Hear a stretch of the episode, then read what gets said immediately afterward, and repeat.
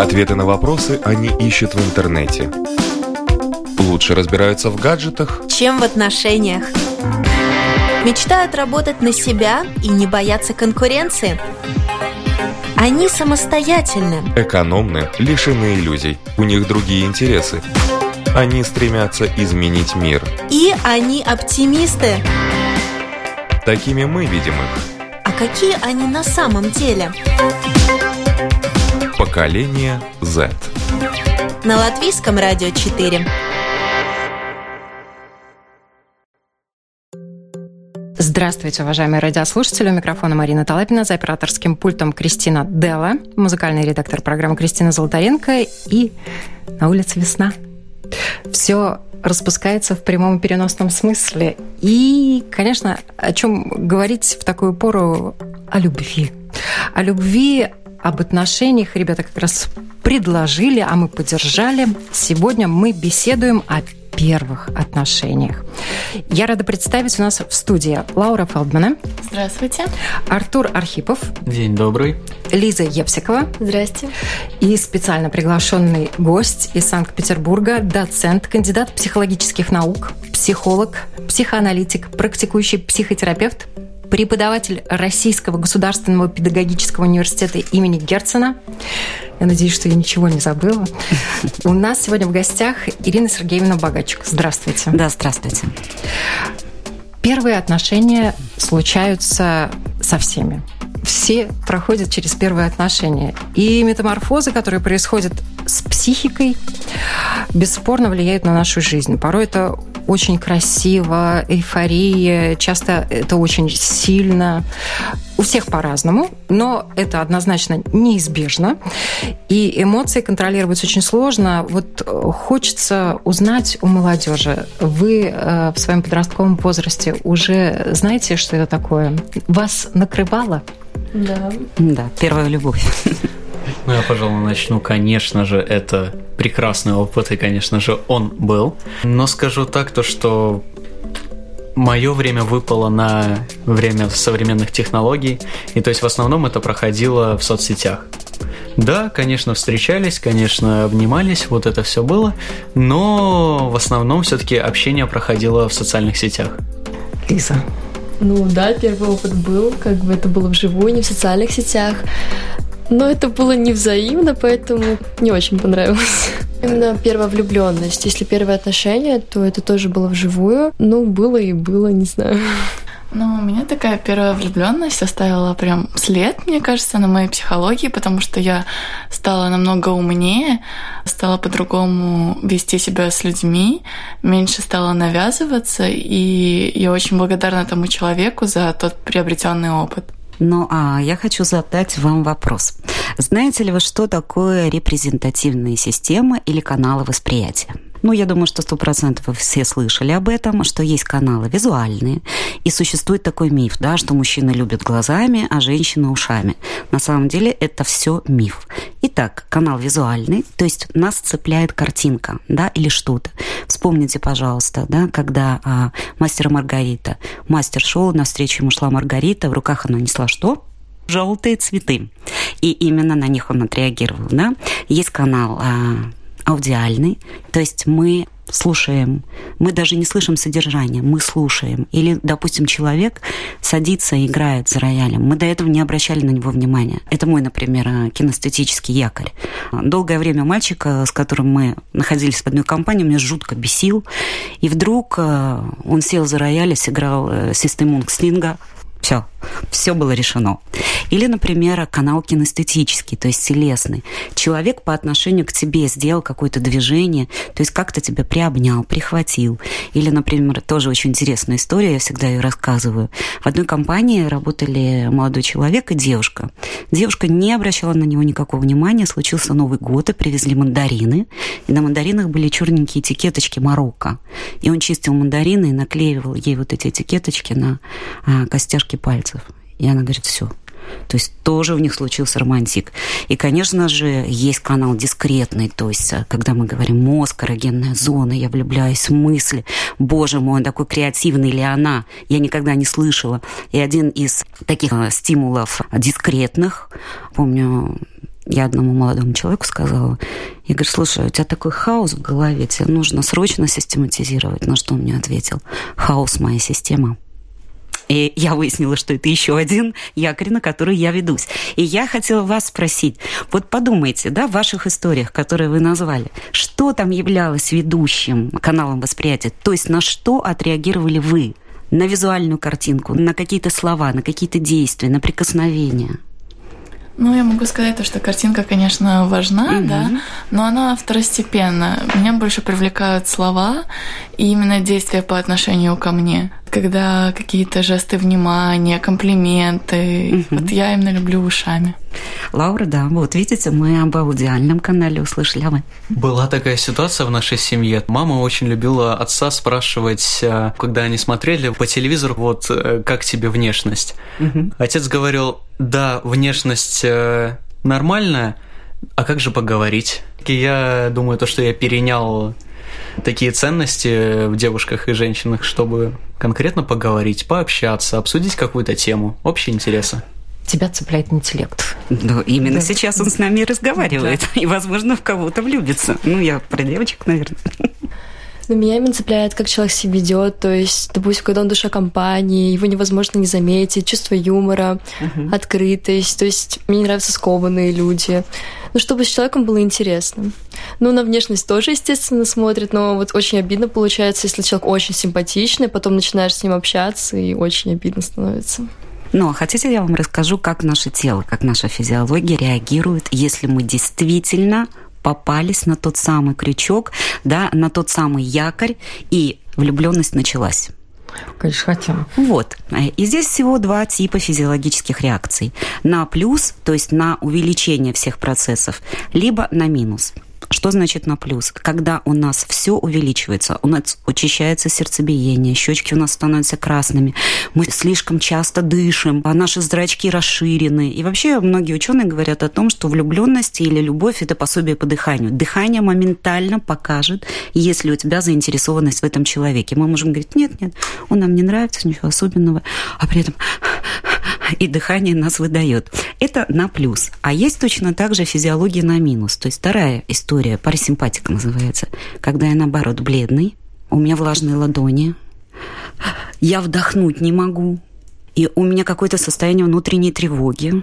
То есть а, работаем на минус. И вот здесь вот физиология никогда не обманывает. Если вы реагируете на этого человека, еще эмоциональный фактор есть. Например, я очень сильно люблю это понятие неконгруентная дурашливость. То есть твой партнер начинает хохотать, вот беспочвенно. Или что-что, ха-ха-ха и так далее. Ты не понимаешь вообще, что такое. То ли ты говоришь какие-то глупости, то ли он не очень умен. А это тоже один из показателей любви, когда человек начинает себя вести неадекватно.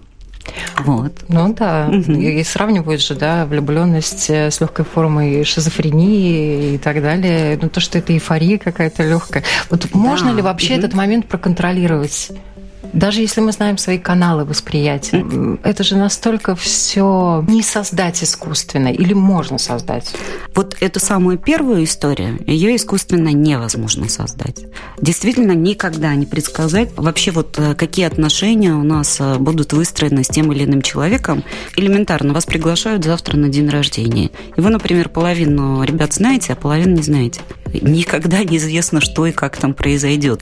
То есть тело сразу покажет скажет, зацепил вас человек или нет. Такое очень хорошее понятие предательство тела. Да? То есть сознанием, головой. Мы можем говорить, что нет, нет, мне все равно, а при этом все то, что я описала с точки зрения физиологии. А дальше уже на это накладывается что? Влечение, то есть основой создания пар, вот этих вот именно пар отношений. Не пар как пар там на всю жизнь, хотя это тоже очень важно, да? а именно первого контакта. Это, безусловно, влечение. И когда это влечение взаимно? И когда это влечение взаимно, это очень классно. И тут история следующая. Очень часто люди думают, что женщины эм, и мужчины, они оба, или там девушки и юноши, оба друг друга напитывают энергией. Вот здесь я вам расскажу очень интересную вещь. Дело в том, что созидать энергию может только девушка. Потому что у нас есть женский орган, который называется матка. Это наш мотор молодой же человек, мужчина, ну, если мы говорим про отношения мужчина-женщина, да, то есть э, э, юноша-девушка, да, они нас стимулируют для того, чтобы наш мотор начал работать, то есть являются мотиваторами. Никогда один мужчина не питает никакой энергии женщины, потому что, как говорил великий гений Карл Густав Юнг, все мужчины – божественные сыны, и мы должны в общем, вот их подпитывать и кормить. А. Котлеты с гречкой, заботой и вниманием, сексуально-лебединозной энергией и информацией. Мы должны точно так же как обычной едой, кормить каждый день своего партнера информацией, причем той, которую он не может добыть сам. Да, он может тебе говорить, ой, начиталась каких-то глупостей, где ты там взяла в интернете, что ли? Неважно, он все равно будет поглощать эту пищу. И задача рассказать ее интересно. Но, а самое важное, это вот сто процентов на чем спотыкаются девушки. Когда их молодому человеку перед другими божественными сынами нечем похвастаться. То, что она красивая, да, вот они один раз ее увидели, все, она уже красивая. То есть все друзья сказали, да, парень, тебе повезло, она такая красотка. Вот Лиза рядом со мной сидит просто, ну, я не знаю, Джакон, да. Вот, я Лаура тоже, я блондинок люблю, кстати. Вот, да. Потом, допустим, она прекрасная хозяйка, там, я не знаю, напекла пирогов, и ты пригласил, например, своих друзей, и они там один раз покушали пироги у Лизы, и мы можем попасться на то, что, Лиза, они будут ходить каждый день к тебе, эти божественные сыны, есть пироги. Но я говорю совершенно о другом. Каждый из девушек должно быть что-то свое, identity какое-то, интересное, чем мог бы похвастаться ваш божественный сын, то есть ваш парень, перед другими ребятами. Все мужчины любят хвастаться. И если в вас нет ничего, чем он может похвастаться, например, вы великолепно пишете какие-то статьи, и он потом скажет, слушайте, тут вот моя написала такую новую статейку, там такая интересная вещь. Это как раз то, чем мужчина восхищается вас. Я все время говорю мужчина, потому что я все-таки больше со взрослой аудиторией, да, а, работаю. Ну, юноша, да, восхищается, и другие ребята увидят вас это. Еще раз повторяю, недостаточно быть красивой. Нужно еще быть интересной. У вас, наверное, тоже вопрос уже возникает, да, Артур? Ну, я скорее хотел сказать, как сейчас просто меня разложили по полочкам. Прям все в открытую, как и есть. Я хочу спросить, угу. вот первые отношения, ребята еще в школе, понятно, что они загружены учебой, и первые отношения, они волнительны не только для детей, но и для родителей, угу. да.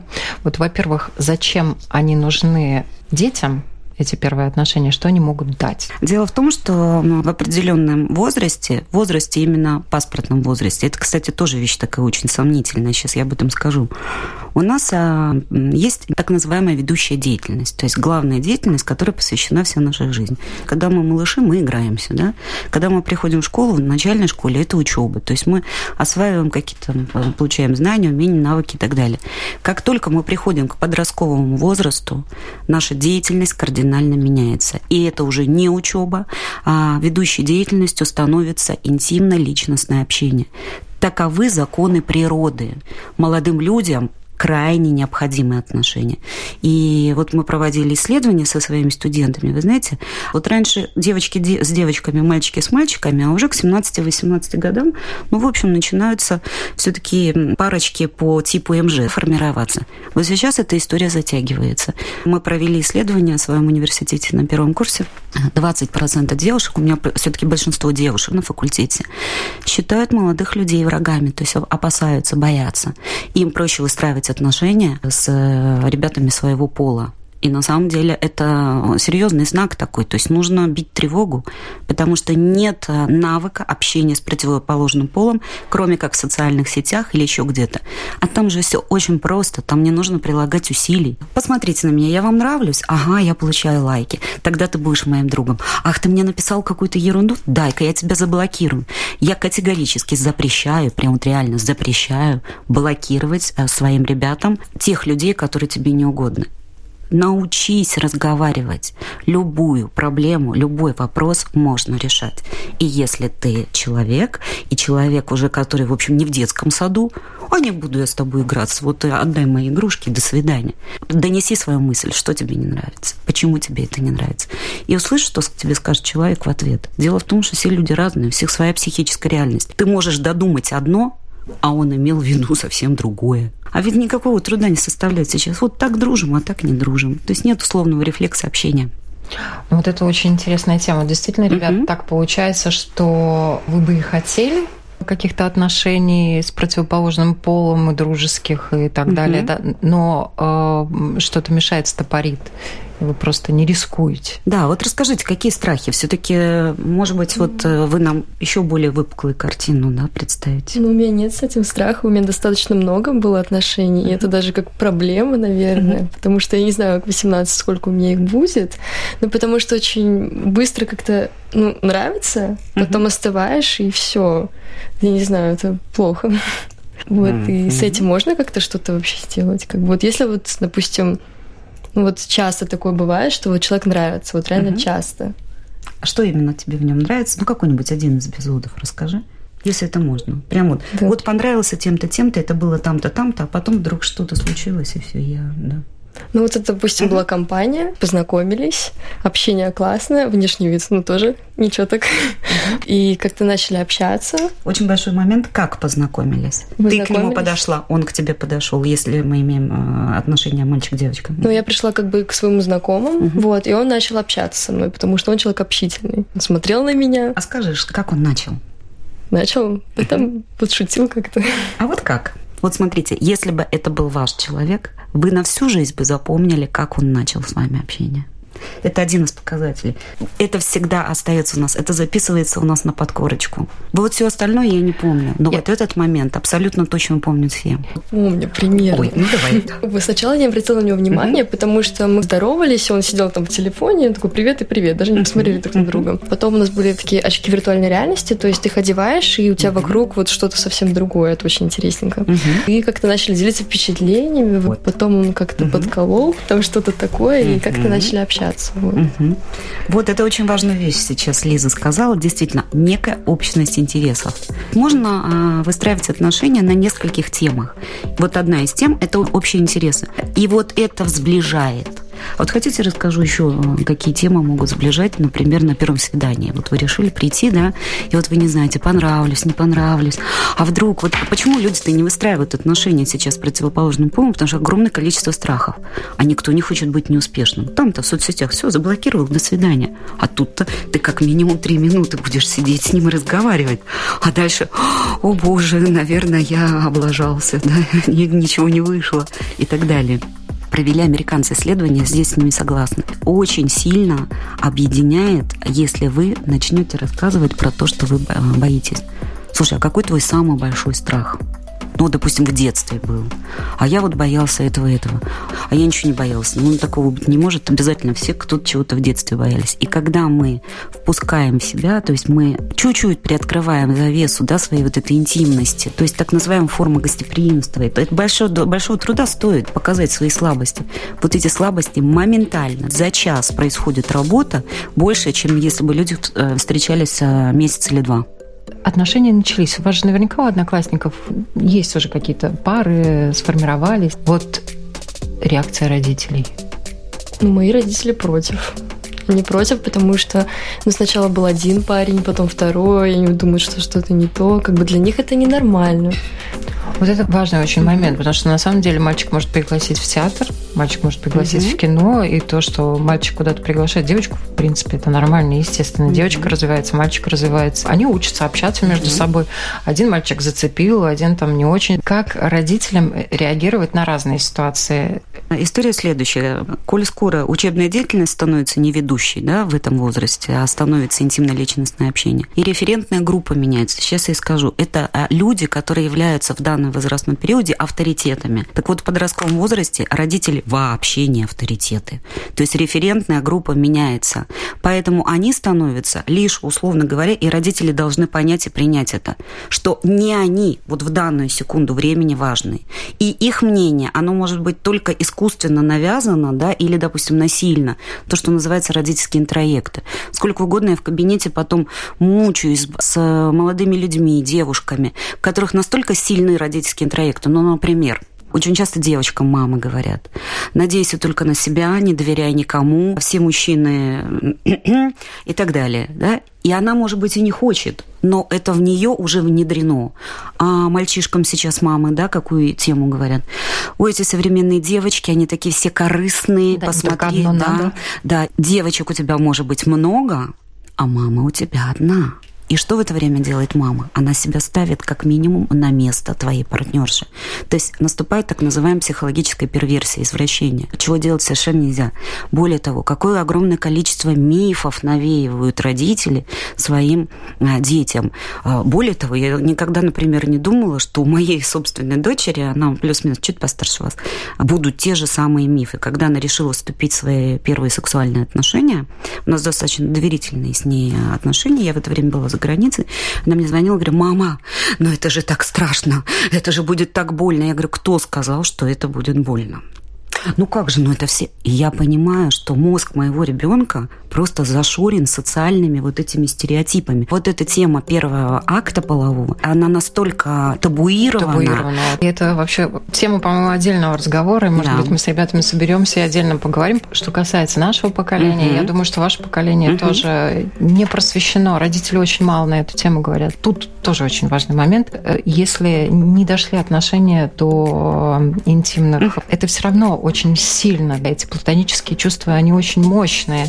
И для для девочек и для мальчиков. И вот тут та самая травмирующая составляющая, которая неизбежна, если отношения разрываются. Угу, да? угу. Для некоторых из пары это очень болезненно может быть. Вот как правильно расставаться?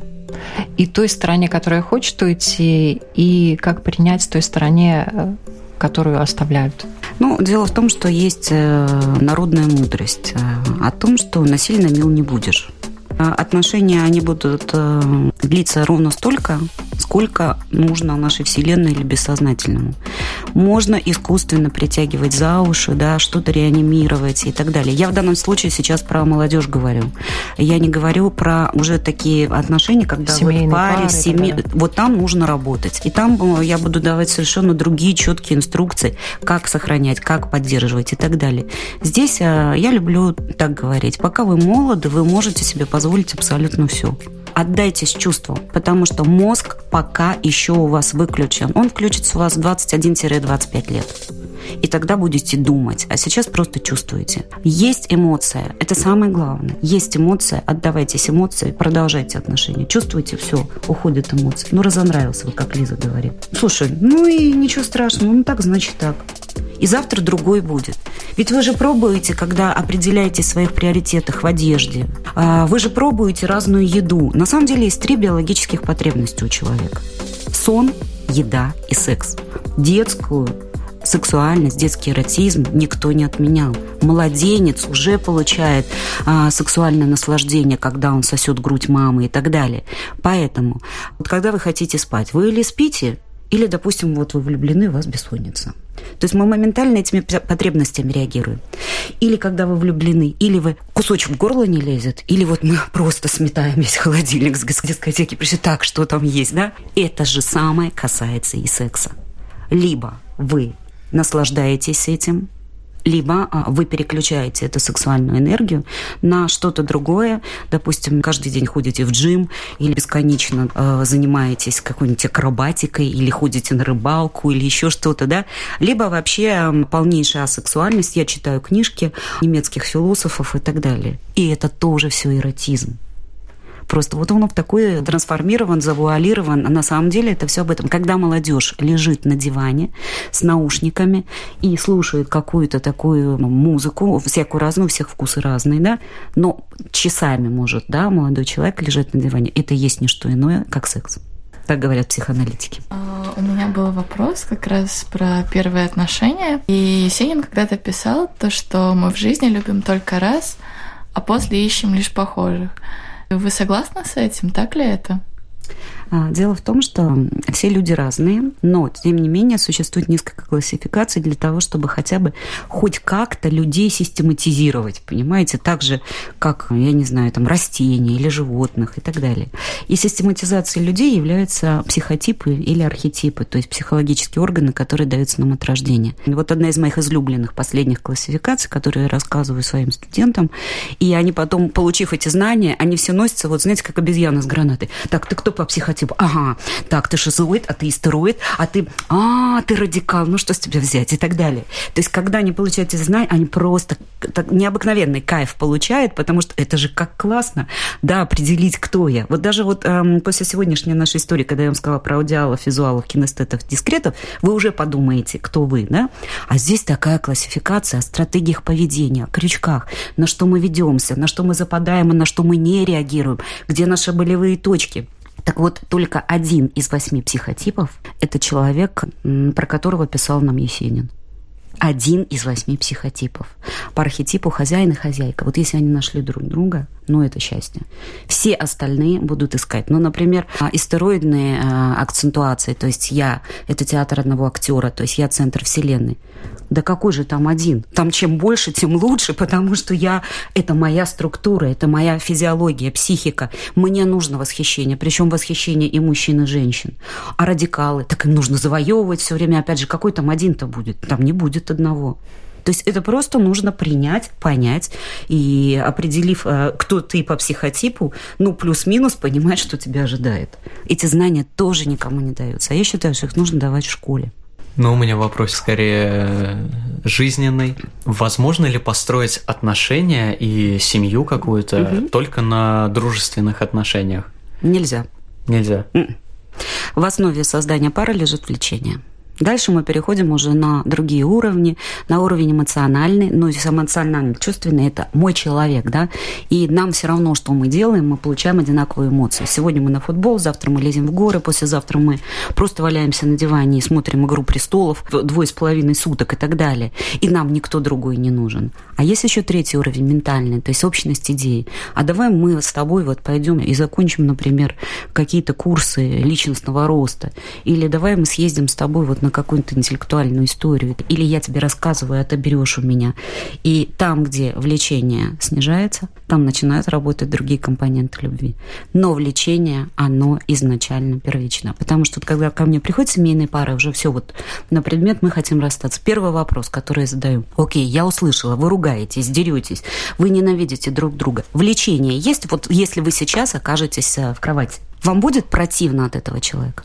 Нет. Он хороший любовник, говорит мне девушка. Все, для меня это показатель, что я буду эти отношения поддерживать. Я их выстрою, и я выстраиваю. Я хотела спросить, а в каком возрасте вообще начинать отношения, или это зависит уже от человека, mm. вот если молодежь?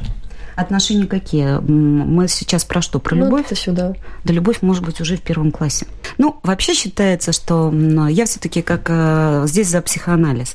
До 21 года в психоанализе считаются подростки. Поэтому здесь плюс-минус вы можете экспериментировать. То, о чем Лиза говорила. Вот мне это нравится, экспериментирую. А вот к 21 приближаясь, угу.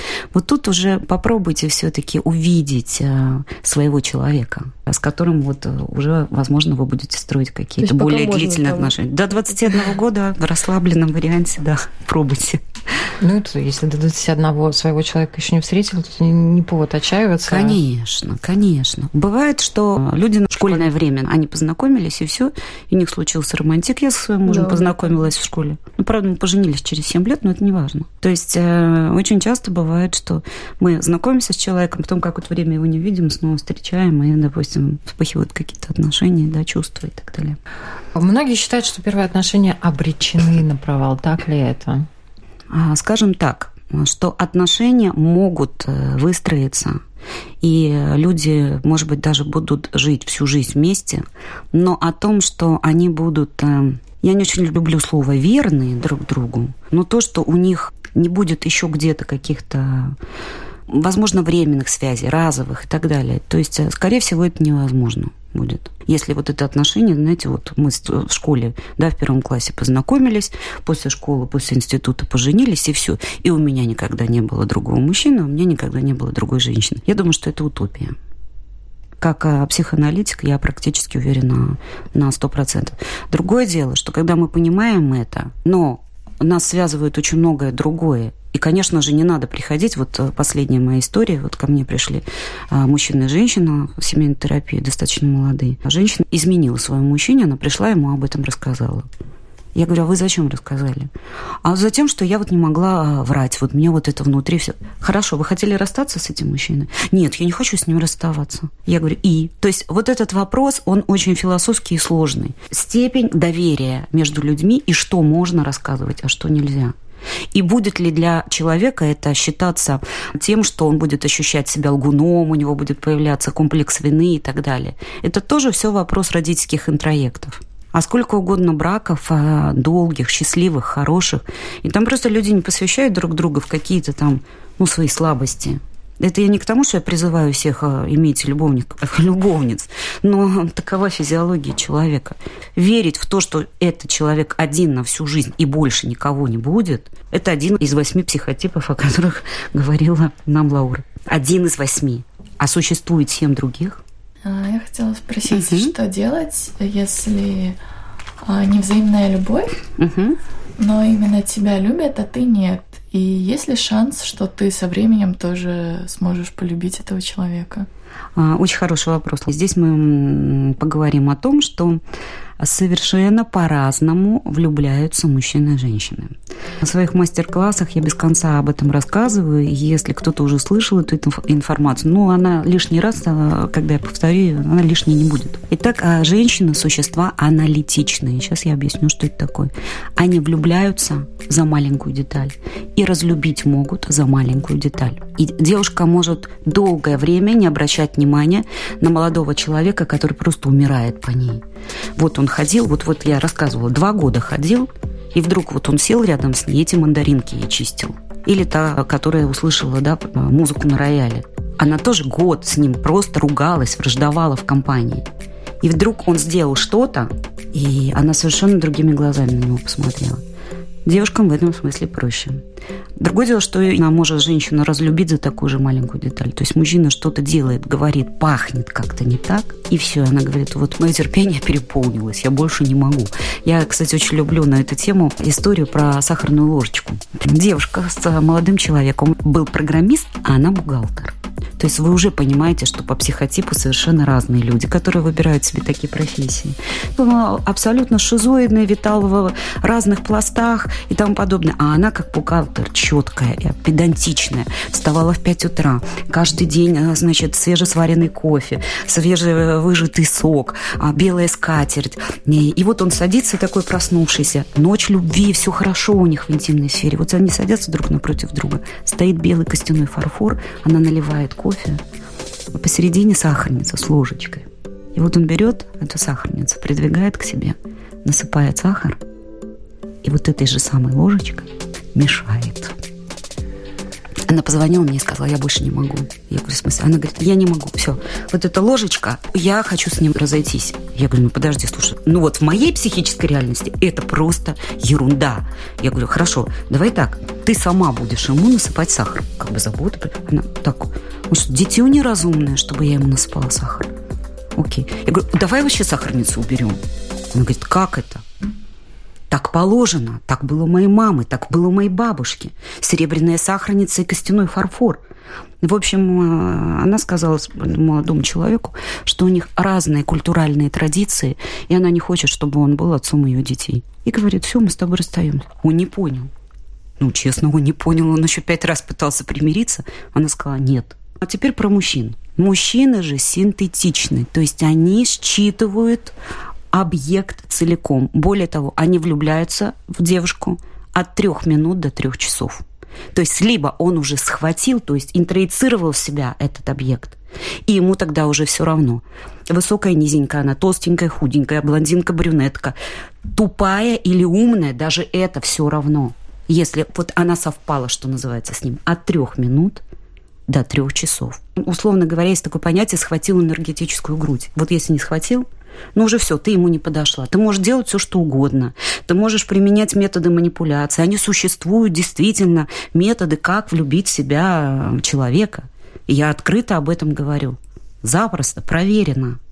Но это все будет суррогат. И если мужчина разлюбил или молодой человек, он говорит, он разлюбил, значит, появился какой-то новый объект. И самое ужасное, что могут э, сделать девочки, ужасное для себя, когда они начинают спрашивать, а что же в ней лучше, чем во мне? И ты услышишь самый абсурдный ответ. Я все время тоже это цитирую. Ты можешь услышать, что, ты знаешь, у тебя не очень ровные ноги. Ну, такие обычные такие кривые ноги. А у нее она просто там Барби идеальная. Или из любимых моих примеров мужчина сказал девушке, он сказал, у тебя волосы короче на 7 сантиметров, чем надо. Кому надо? Почему на 7 сантиметров? Это реальные, реальные истории. Да он просто разлюбил. Так вот, мужчины, как я ответила да, на вопрос Лауры, вот они сразу. А женщины, девушки, а, могут э, годами ходить рядом и не видеть того самого любимого. Ну вот все же тогда если два человека тонут, один любит себя, а другого любишь ты, кого мы будем спасать? Угу. Смотрите, здесь а, прям четкая формула существует. Мужчины любят любовь женщины к ним, то есть мужчины любят не женщину, они любят любовь женщины к ним. Женщины же любят свою любовь к мужчине. То есть они наслаждаются своими чувствами. Ну, и исходя из этой формулы, как вы думаете, кого будем спасать? Того, кого мы любим. Угу. Вот хочется очень узнать, с какими заблуждениями по поводу первых отношений живут люди. Они полюбили друг друга и умерли в один день. Ну, красиво, но это миф. Но, скорее всего, самое распространенное это как раз-таки то, что самые первые отношения это всегда провал. Лаура Ответ. тоже давай, да. А, он будет у меня первый и последний. Первый и последний, то есть вообще больше никого не будет? Да, или да. есть такие. А, на вопрос Артура о том, что э, первые отношения провальные. А в большинстве процентов случаев первые отношения провальные. То есть это, принципе, это, это, это статистика. Так, это статистика, да, да. Норма считается 68% и более. А, на самом деле четких цифр на эту тему у меня нет, но я думаю, что больше 68% людей скажут, что их первые отношения, они не то что провальные, то есть они не перешли в длительные серьезные отношения, то есть ту самую любовь на всю жизнь, когда умерли в один день. Ну, то есть э, больше 68% однозначно здесь э, скажут о том, что да, э, я женился не на своей первой любви, ну вот ну, я имею в виду вот эти первые отношения, вот 12-14 лет там, или 16 встретился, и, и все, и до 100 лет вместе. Красиво, конечно. Вечная любовь, да, как там поется, да. Ну вот первый и последний. Это тоже для девочек а. это вот та самая ответственность, которую они вешают, в принципе, на мужчину, да? Угу, угу. У меня первый, это подразумевает, что и последний. Да, да, да, да. Дело в том, что здесь э, вот э, что происходит в этот момент. То есть можно прикрываться понятиями, там, «А надо быть честной, а на самом деле что мы здесь делаем? Мы перекладываем на него ответственность.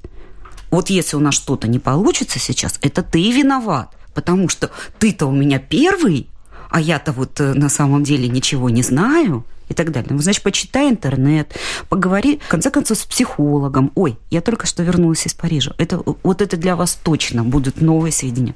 У моей подруги дочка, а, ей сейчас 17 лет. И она встречается с мальчиком Виктором. То есть вот три дня была в Париже, три дня Алиса приходила домой там в 3-4 утра. Я говорю, ну как? Она говорит, не-не-не-не-не. Они целуются, обнимаются, они у них прям романтик, но у них нет никакой интимной близости. Я говорю, ты откуда знаешь? Нет, говорит, у нас в Париже здесь вот, ну, во Франции, здесь все происходит по-другому. Я говорю, по-другому это как? То есть у меня была улыбка, удивление, я хохотала. Тем более все это было приправлено шампанским. Я говорю, ну-ка расскажи, как же тут в Париже по-другому? Она говорит, когда ребята собираются вступить в интимную близость, вот вы сейчас тоже будете шокированы, они, девушки, начинают ходить к гинекологу и готовиться к этому три месяца или два месяца, принимая противозачаточные таблетки, будучи еще девственницей для того, чтобы подготовиться. То есть они сдают анализы, да? И через 2-3 месяца они вступают в интимную близость. Вы представляете, насколько тревожная нация, что она даже не может себе позволить, ну вот отдаться так называемым чувствам, вообще не думать о том, что забеременею, не забеременею и так далее, о чистоте полового акта, то есть готовятся к тому, чтобы вступить э, в интимную близость. Честно, я была шокирована. То есть я не слышала такого никогда. Я думаю, что, наверное, вы тоже не слышали об этом. Впервые слышу. Вот так вот. Но, может быть, вы мне хотите накидать какие-то вопросы, и я бы вот ответила на них. Ну, о чем говорить на первом свидании? Итак, о чем говорить на первом свидании? А, но не нужно говорить на первом свидании о кинофильмах и книгах. Потому что может так случиться, что твой собеседник не читал эту книгу и э, представьте, кто-то в состоянии сказать, что «О, да, я не читал, интересно, спасибо, почитаю». А у какого-то другого человека, да, особенно тревожного, а, «Я такой необразованный, я не читал эту книгу, что же мне делать?» и так далее. Или фильмы. Фильмы разные нравятся всем. Поэтому здесь даже вопрос не о чем говорит. Я вам рассказала, интересная вот тема. А страхи еще очень интересная тема. Вот э, это разговоры о тайных талантах. То есть, например, я очень сильно люблю что-то делать, но, как правило, вот социум, допустим, говорит, ну, да ну, что это такое, мальчик вяжет крючком, очень несерьезно, да? А я реально получаю от этого удовольствие. И когда на первом свидании, опять же, мы начинаем говорить о тайных талантах, то есть о чем-то, что я не транслирую в социум. Ну, допустим, если я пою, да, я пою, я хвастаюсь, да? А девочка, например, жутко любит там копаться в гараже с папой и менять там моторное масло в автомобиле. И вот эти вот тайные таланты, они тоже объединяют. Потому что они тоже открывают вот тот уровень, уровень гостеприимства, да, когда люди становятся очень близки друг к другу, потому что есть, оказывается, вещи, то те самые секретики, которыми вы поделились, и это уже уровень интимности. Моментально вы а, найдете а, вот те точки соприкосновения, да, которые потом могут привести уже к более глубоким отношениям. Но на самом деле не важно о чем, главное как легко. Если даже вам страшно, нужно прямо говорить, что мне страшно. Смотрите, любую проблему можно завуалировать, например, дырку на колготках. Можно натянуть платье пониже. Ой, а вдруг никто не увидит. А можно выйти перед аудиторией и сказать, слушайте, да что ж такое, вот опять, а, дырка, а, придется потратиться еще на одну пару. И все, уже проблема выпечена ее уже нет. Когда ты ее про нее проговорил, ее уже нет. То есть энергия вышла. И а, точно так же ты можешь сказать, ты знаешь, я, ну я реально, я очень волнуюсь, я рада тебя видеть, да, но я волнуюсь, я не знаю, о чем с тобой поговорить. Ну давай вот бредовая мне мысль, вот давай поговорим. Вот ты боялся чего-нибудь в детстве, вот я жутко боялась. И все, и вот таким образом возникает та легкость, доверительность. И, конечно же, когда человек может сам про себя сказать, что, ой, что-то я вот э, туплю, да, не понимаю, о чем ты сейчас говоришь. Говорите. Любую историю можно проговорить потому что вы люди, и вы не роботы, и это можно. Это, наоборот, откроет, да, вот эту эмоциональную близость. Угу. Давайте по одному вопросу последнему, Артур. Честно сказать, вопросов вообще нету, потому что я поражаюсь сейчас, как просто меня, ну, как угу. парня, разложили по полочкам. И у меня сейчас такое осознание, что я, наверное, сейчас буду идти до автобуса и все просто это пытаться понять. Потому что действительно так и есть. Что вы сказали, так и есть, и очень полезны были советы. Угу. Тем более, о чем говорить и как начать разговор. Угу. Я благодарю, да, мне очень приятно, да, ваши комплименты. Ну вот я могу задать такой вопрос. Угу. Влюбленные очень много времени проводят вместе. Угу. И бывают такие ситуации, когда начинают надоедать друг другу, и хочется взять такую паузу. Что в такой ситуации делать, когда уже как бы не то что разонравились, а стали друг другу не настолько интересными? Лаура, спасибо большое за вопрос. А в вашем возрасте ешьте, вот наслаждайтесь, встречайтесь каждый день. Для меня вот этого совершенно непонятно. Мы вроде в отношениях, но мы увидимся в субботу. Да не может молодой человек терпеть до субботы. Встречайтесь столько, сколько хотите. Но если вдруг один вы видите начинает дистанцироваться, то есть ему вас много, окей, хорошо. Сделайте чуть пореже ваши отношения. Но если вы видите, что он еще больше дистанцируется, ну, значит, все, давайте э, да, переключимся на какую-нибудь другую еду. Сегодня была японская кухня, завтра будет итальянская. Есть еще вопросы? Ну, тогда в завершении нашей программы я, наверное, вспомню французского писателя Фредерика Бекбедера, который отмерил настоящей любви срок три года, однако ученые все спорят с ним. Я отвечу. Да, хорошо. Я отвечайте. его очень сильно люблю, и я даже а, часто использую его фразочки про любовь. Так вот, ученые провели исследование и сказали, что любовная страсть, именно вот когда вот это влечение, живет 317 с половиной дней, а не три года. Ну да, если эти 317 дней растянуть на 9-10 лет, наверное, так тоже можно. То есть порционно. Да, тут тоже все будет хорошо. Ну и те же ученые выяснили, что длительность любви определяется количеством окситоцина в крови.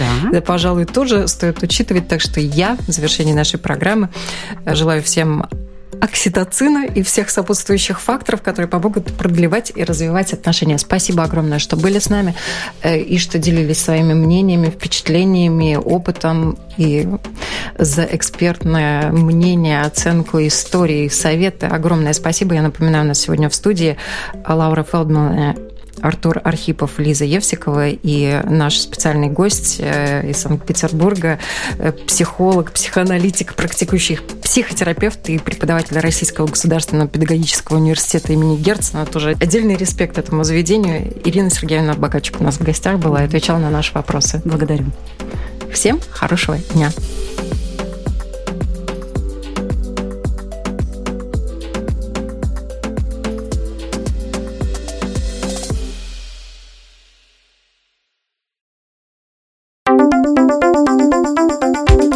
Ответы на вопросы они ищут в интернете. Лучше разбираются в гаджетах, чем в отношениях.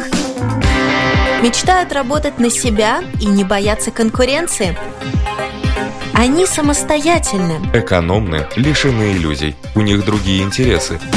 Они стремятся изменить мир. И они оптимисты. Такими мы видим их. А какие они на самом деле? Поколение Z. На латвийском радио 4.